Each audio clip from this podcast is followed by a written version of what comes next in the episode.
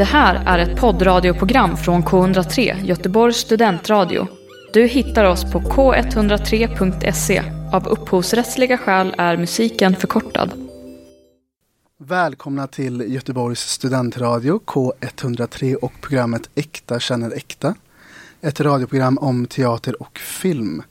Jag som pratar heter Marcus Standoft. Jag är skådespelare och lärarstudent som studerar sista terminen på Göteborgs universitet. Under tio avsnitt kommer ni tillsammans med mig få möjligheten att blicka in i olika kulturarbetares liv. Så sov inte på det här, gräva tag i en kompis, en granne, ett husdjur eller en sorgsen fönsterplanta och häng på. Dagens gäst heter Johan Gry. Välkommen in till studion Johan. Tack så mycket Marcus. Hur är läget med dig? Det är väldigt bra idag. Mm.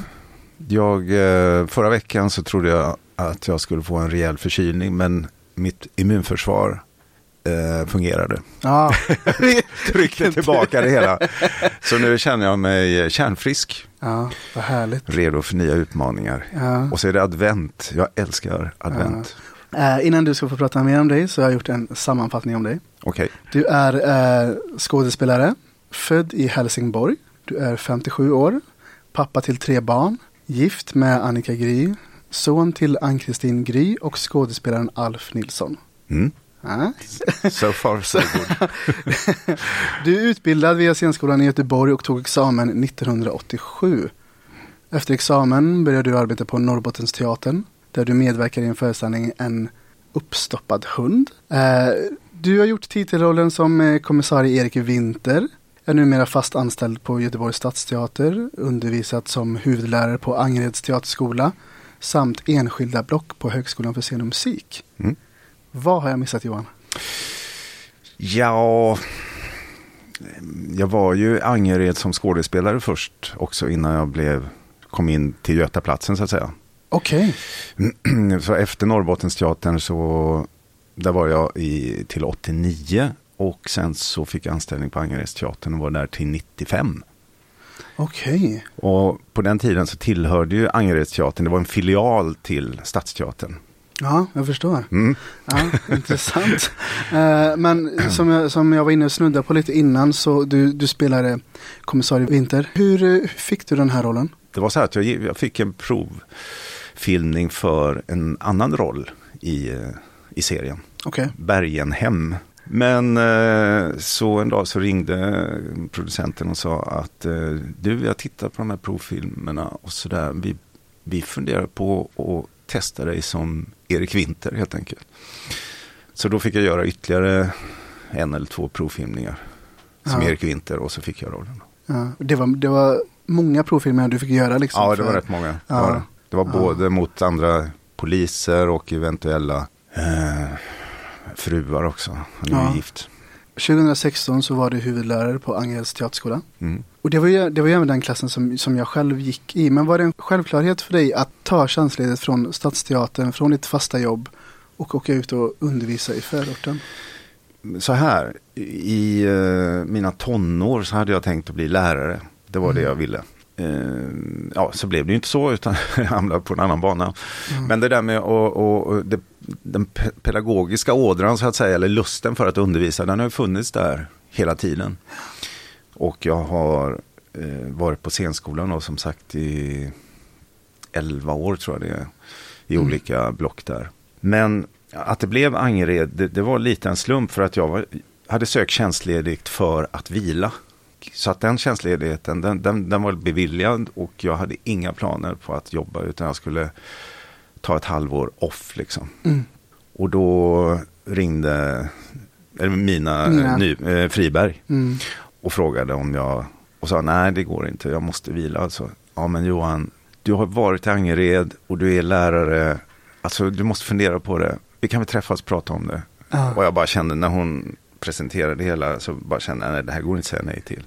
Ja, fantastiskt. Jag är väldigt glad att du, att du sa ja. Det, men det är också det är ett av de roligaste halvåren i mitt liv. Ja, samma här verkligen. För du, ja, du, du har ju haft många elever genom åren med tanke på att du undervisar på, på scenskolan också. Mm, mm. Jag har en hälsning från några av dina mm. gamla elever. Okej. Okay. Vill du höra? Ja, gärna. Ja. Med enkelhet och eh, ödmjukhet visade i alla fall personligen för mig vad grunden till teater handlar om. För mig innebar teaterlektionerna mycket skratt, nyfikenhet. Nyfiken, han var väldigt nyfiken. Det fanns många stunder där Johan berättade historier från hans teaterliv och skådespelarkarriär som var privata och det gav mig en bra insikt i hur komplicerat det är att vara skådespelare. Jag minns Johan som en empatisk lärare eh, som verkligen hade mer känsla än språk. Ja, han lärde sig att lyssna till våra behov och det beundrade jag verkligen hos honom. Johan är en fantastiskt skicklig och trevlig lärare som gjorde att jag kunde känna mig trygg och våga uttrycka mig mer än innan utbildningen. Och mer tycker inte jag man kan begära av en lärare. Tack Johan! To be or not to be, that is not the question. Vem är egentligen den bästa teaterläraren? Det är frågan och svaret är enkelt. Johan Gry. Johan Gry, det är den tyngsta läraren i teaterns historia. Det kommer aldrig finnas en lärare som Johan Gry. Och eh, jag har bara positiva grejer att säga om Johan. Han har lärt mig massa grejer. Lärt mig teaterhistoria, lärt mig allt man kan gå och tänka sig. Bryr sig verkligen om sina elever. Lägger privat tid på oss. Speciellt jag som hade speciella grejer på den tiden. Nej men Johan är ju en, en glädjespridare och liksom, alltså, men han fyller ju, fyller ju rum med värme bara för att han, bara för att han är där. Speciell tid eh, som jag hade i, i teaterskolan i Angered. Verkligen. En av de fina, finaste och starkaste minnena är när han öppnade dörren till sitt egna hem och bjöd oss alla. Så mycket kärlek, verkligen. Johan, du, du är bäst. ja, Johan, hur kändes det att höra det här? Ja, herregud. Det är nä nästan som man faller i gråt. Mm. Um, det blir lite sådär som en dödsruna som någon som har gått bort och man har bara positiva saker att säga plötsligt. uh, nej men otroligt värmande förstås. Vilken, uh, ja det värmer ju att man har lyckats uh, göra avtryck någonstans. Ja. Kunde du lokalisera alla röster och sånt där? Kunde ja, i stort sett. Ja. I stort sett kunde jag det. Men, några har jag ju inte träffat sen vi slutade faktiskt. Ja, det är så? Ja, ja. så att eh, en del namn har ju fallit bort också lite grann, tyvärr. Men jag ser ju alla personer framför mig. Mm. Väldigt tydligt. Fantastiskt. Ja, jag vet vad som, eh, vi gjorde så himla mycket kul det där mm. halvåret. Men det som har gjort starkast intryck, förutom det att hela klassen var så enormt eh, på och fokuserad och liksom hela tiden jobbade målmedvetet. Och, och, det var när vi gjorde det här blocket med den, som byggde på era egna relationer till era föräldrar. Mm. Vi gjorde små etyder, små scener som ni själva skrev. Just det. Uh, vi undersökte relationen uh, barn-förälder. De scenerna de kommer för alltid leva kvar uh, hos mig. Mm. För det var, ja, ja. Det, det, var väldigt starkt. Det här är K103. Det här frågade jag faktiskt Isabelle också när hon var här och gästade. Mm. Att vilket är ditt första minne av oss två tillsammans? Jag vet mitt, men jag låter dig prata först. Du menar ditt och mitt? Ja. Mm. Mm. Det jag, jo, det, mitt första minne, det har med det att göra som vi pratade om alldeles nyss. Det var när vi satt i en ring och eh, eh, jag tror att vi skulle, alla skulle berätta varför de började med teater. Mm. Och du berättade då, om jag får vara personlig då. Självklart. Nej men du berättade om konflikten, mm, att du kände en press hemifrån att, mm. Eh, liksom, att läsa till uh, ingenjör eller jag kommer inte ihåg exakt om det var ingenjör eller läkare. Eller, men du läsa någonting annat så att säga. Mm. Och men att du så gärna vill bli skådespelare och att det var en konflikt liksom för dig. Ja. Eh, framförallt med din pappa. Ja. Och, så det är mitt första minne. Ska jag, ska jag berätta mitt första ja. minne? Mm. Jag vet att jag tror att vi hade gått i kanske en eller två veckor och så här, men på morgonen så, så värmde vi upp och så vidare. Och sen så var det direkt så att okej, okay, men då, då skulle vi börja med eh, improvisationer eller olika scener och sådär. Och vi satt ner och du stod upp och så sa du okej, okay, vilka två vill börja? Och då vet jag att jag minns så här, jag bara, nej nej det här, det här har jag så här, jag har varit så, jag har varit uppe i andra tankar, det här vill jag inte börja med. Så jag kollade ner i marken så här och, och tänkte så här, hoppas att han inte väljer mig. Så sa du att Eh, ja, Marcus och Katarina, ni, ni, kan, ni kan börja då. Varsågod och gå ut och förbered så här scenen. Så vi fick lämna rummet och jag var så här, jag var helt, jag var helt förstörd. Jag kom till, jag bara, jag bara, vad ska vi göra? Typ så här, jag, jag, så här, jag fattar inte uppgiften och, och, och Katarina var ju mer lugn. Så här, ja men vi kan väl testa det här och det här. Och jag vet inte om hon kopplade, men jag kopplade inte för fem öre. Men när vi kom in i alla fall, eh, då hade ni ställt fram tårta och, så, och allting. Så här, vi fyllde ju år då. Minns du det? Nu kommer jag ihåg det. Ja. var det, inte ballonger? Och ja, ballonger och, och det, det, var någon sån här tårta också tror jag. Så här, och, ja, jättefint. Så det var någon slags liten ja. överraskning. Men jag vet att jag tänkte där och då tänkte jag bara nu är jag körd. För jag förstod nog inte helt uppgiften. men det var ett väldigt fint minne. Och det, det ja, var vad väldigt, kul. Ja. Det hade jag glömt. Men nu kommer jag ihåg det. Ja. Mm. du, eh, du, 1987 så tog du examen från, från scenskolan i Göteborg. Mm. Eh, utbildningen var fyra år då va? Det var den, fast mm. jag hoppade av efter tre och ett halvt. Just det. Ja. Men, och, och då så här, hur upplevde du utbildningen när du gick där? Ja, i termer bra och dåligt så var det väl både och. Mm. Men, men sammantaget så tyckte jag att det var en, en gedigen utbildning. Jag tror utbildningen överhuvudtaget var sämre innan 60-talet, innan vi fick statliga teaterhögskolor. För då var ju scenutbildningen förlagd till teatrarna. Just det. Så man hade liksom eh, en, en scenskola på Dramaten, Norrköpings stadsteater, Göteborgs stadsteater och Malmö stadsteater. Mm. Och eh, då var det ju ofta skådespelare som, som eh, liksom gästade då som pedagoger. Och fördelen var ju att man var nära på en teater, man var inne på teatern och man fick stå på scen tidigt och så. Men tyvärr så utnyttjades också studenterna då, eller eleverna, så att eh, det blev mer att de fick statera och spela småroller i föreställningar än att gå på undervisning. Liksom. Mm. Hur, hur många gånger sökte du innan du kom in? Eh, jag kom in på första försöket faktiskt. Du gjorde det? Ja. ja. Jag tänker så här, alltså, du var inne lite innan på att, att du ville bli lärare också. Men vad, tror du att du hade varit lärare om du inte hade kommit in den gången? Nej, jag hade nog sökt igen. Du hade gjort det? Ja, ja. det hade jag gjort. Ja. Det var, jag kan berätta en liten lustig sak där. När jag, det var nämligen så här att eh, min pappa var nämligen skådespelare. Och mm. eh, så jag hade en... Mm, ja, jag hade helt enkelt prestationsångest inför honom. Så jag tänkte att nej, men det... Jag kommer aldrig kunna bli skådespelare. Men hur som helst, när jag kom hem då eh, året efter så sökte jag kursverksamheten eh, och gick en kvällskurs där för en pedagog som hette Marie Radok. Okay. Hon var jättestor stjärna i Tjeckoslovakien. Ja. Men flydde 68 eh, tillsammans med sin man som var teaterchef på Nationalteatern i, i Prag. Och från att ha varit firad stjärna i Prag på nationalscenen så jobbade hon som pedagog på kursverksamheten här. Ja. Men i alla fall, hon frågade mig efter ett tag så här, du Johan, du tänker inte söka scenskolan? Så här, jo, jag funderar på det. Så, ja, då vill jag jobba med dig. Så att eh, vi jobbade då med eh, två scener.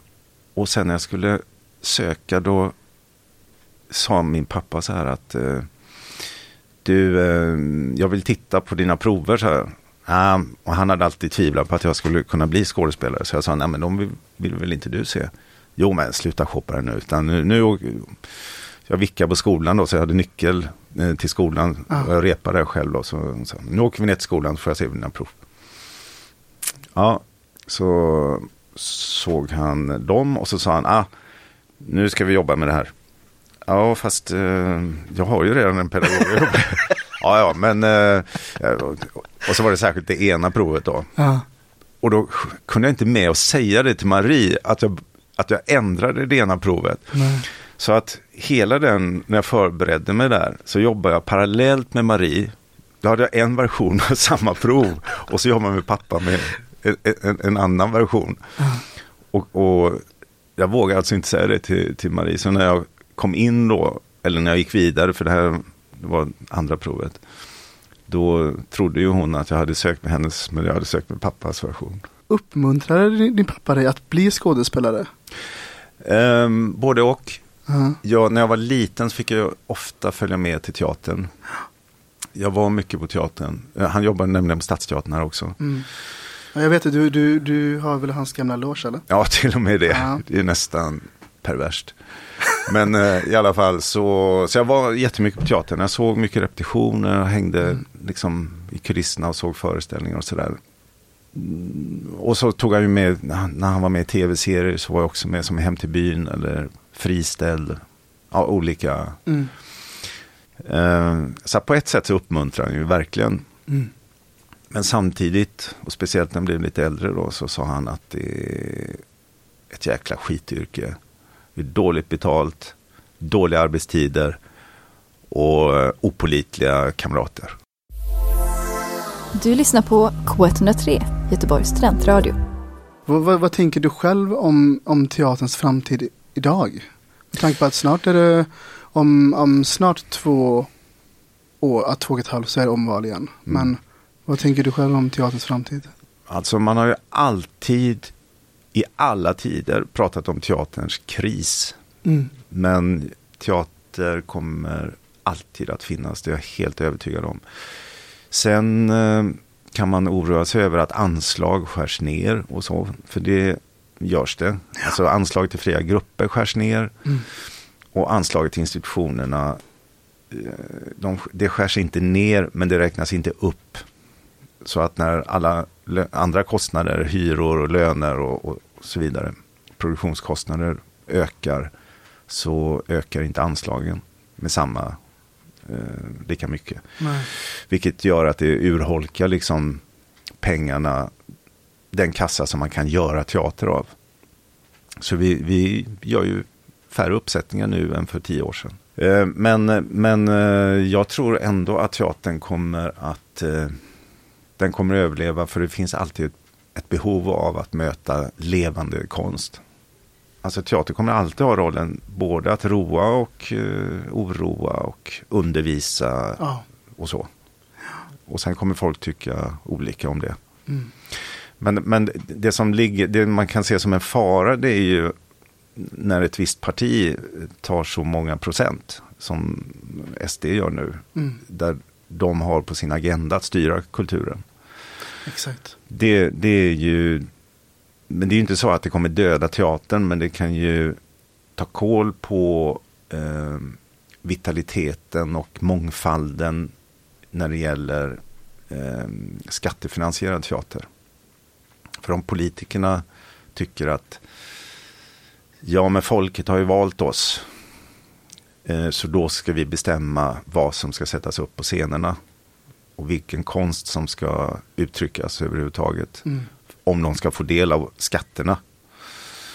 Eh, då är vi ute på farliga vägar.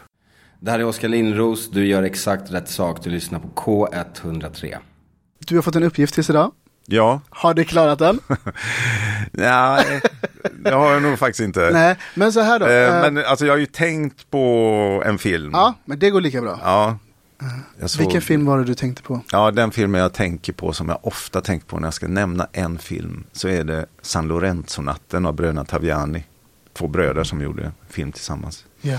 San Lorenzo-natten den utspelar sig under eh, fascismen i eh, Italien. Och kampen mellan de röda och de svarta. Alltså socialisterna och eh, fascisterna. Det som fascinerar med deras filmer, eller framförallt den här fi- filmen då, det är att den är, den är väldigt politisk. Men den är inte svartvit liksom. Den, så att den visar liksom både, om man säger så, onda och goda på båda sidor. Och sen är den oerhört vackert filmad, alltså bildspråket. Minns du första gången du såg den? Alltså jag tror jag har sett den kanske fem gånger. Och jag Mm. minns, jag blandar ihop det här. Ja, för min fråga är nämligen så här att när började filmen för dig? Och det behöver inte vara rent kronologiskt utan jag tänker mer var det någon specifik scen som bara, oh jäklar, nu, nu är jag med, filmen har startat igång. Nu har den fått min attention liksom. Det enda jag kanske tänker på mest och det har att göra med en eh, pojke i tonåren, vad kan han vara, 15 kanske, 14-15, som är fascist. Han har- är sådär svartklädd, eh, skjorta och liksom kortklippt och välkammad. Och, och han har, jag kommer inte ihåg exakt vad han har gjort, men han har avslöjat några eh, så att det har gått väldigt dåligt för några som har blivit dödade på grund av honom. Och de eh, är i en, en, eh, jag tror det är en olivlund, det är massa olivträd. Och han har klättrat upp och gömt sig i träd. Och det är partisaner då, de eh, socialisterna eller kommunisterna som är honom på spåren och de hittar honom. De håller pappan, de har fångat pappan också. Och eh, pappan liksom, men rör, skjut mig liksom, men eh, rör inte min son, rör inte min son. Sådär. Och så skjuter de honom bara, sonen. Pappans reaktion där, han blir helt galen alltså. Och eh, hur han, han faller på marken och borrar ner huvudet och, och liksom snurrar runt. Och hans reaktion på den är, det är nästan så jag blir alldeles Ja. berörd när jag pratar om det. Så att eh, det är en sån här eh, märkligt hur film kan, vissa sådana här ögonblick som bara kan gå pff, rätt in så. Eh, vi ska börja runda av här, vi är snart klara. Vad har du för framtidsplaner?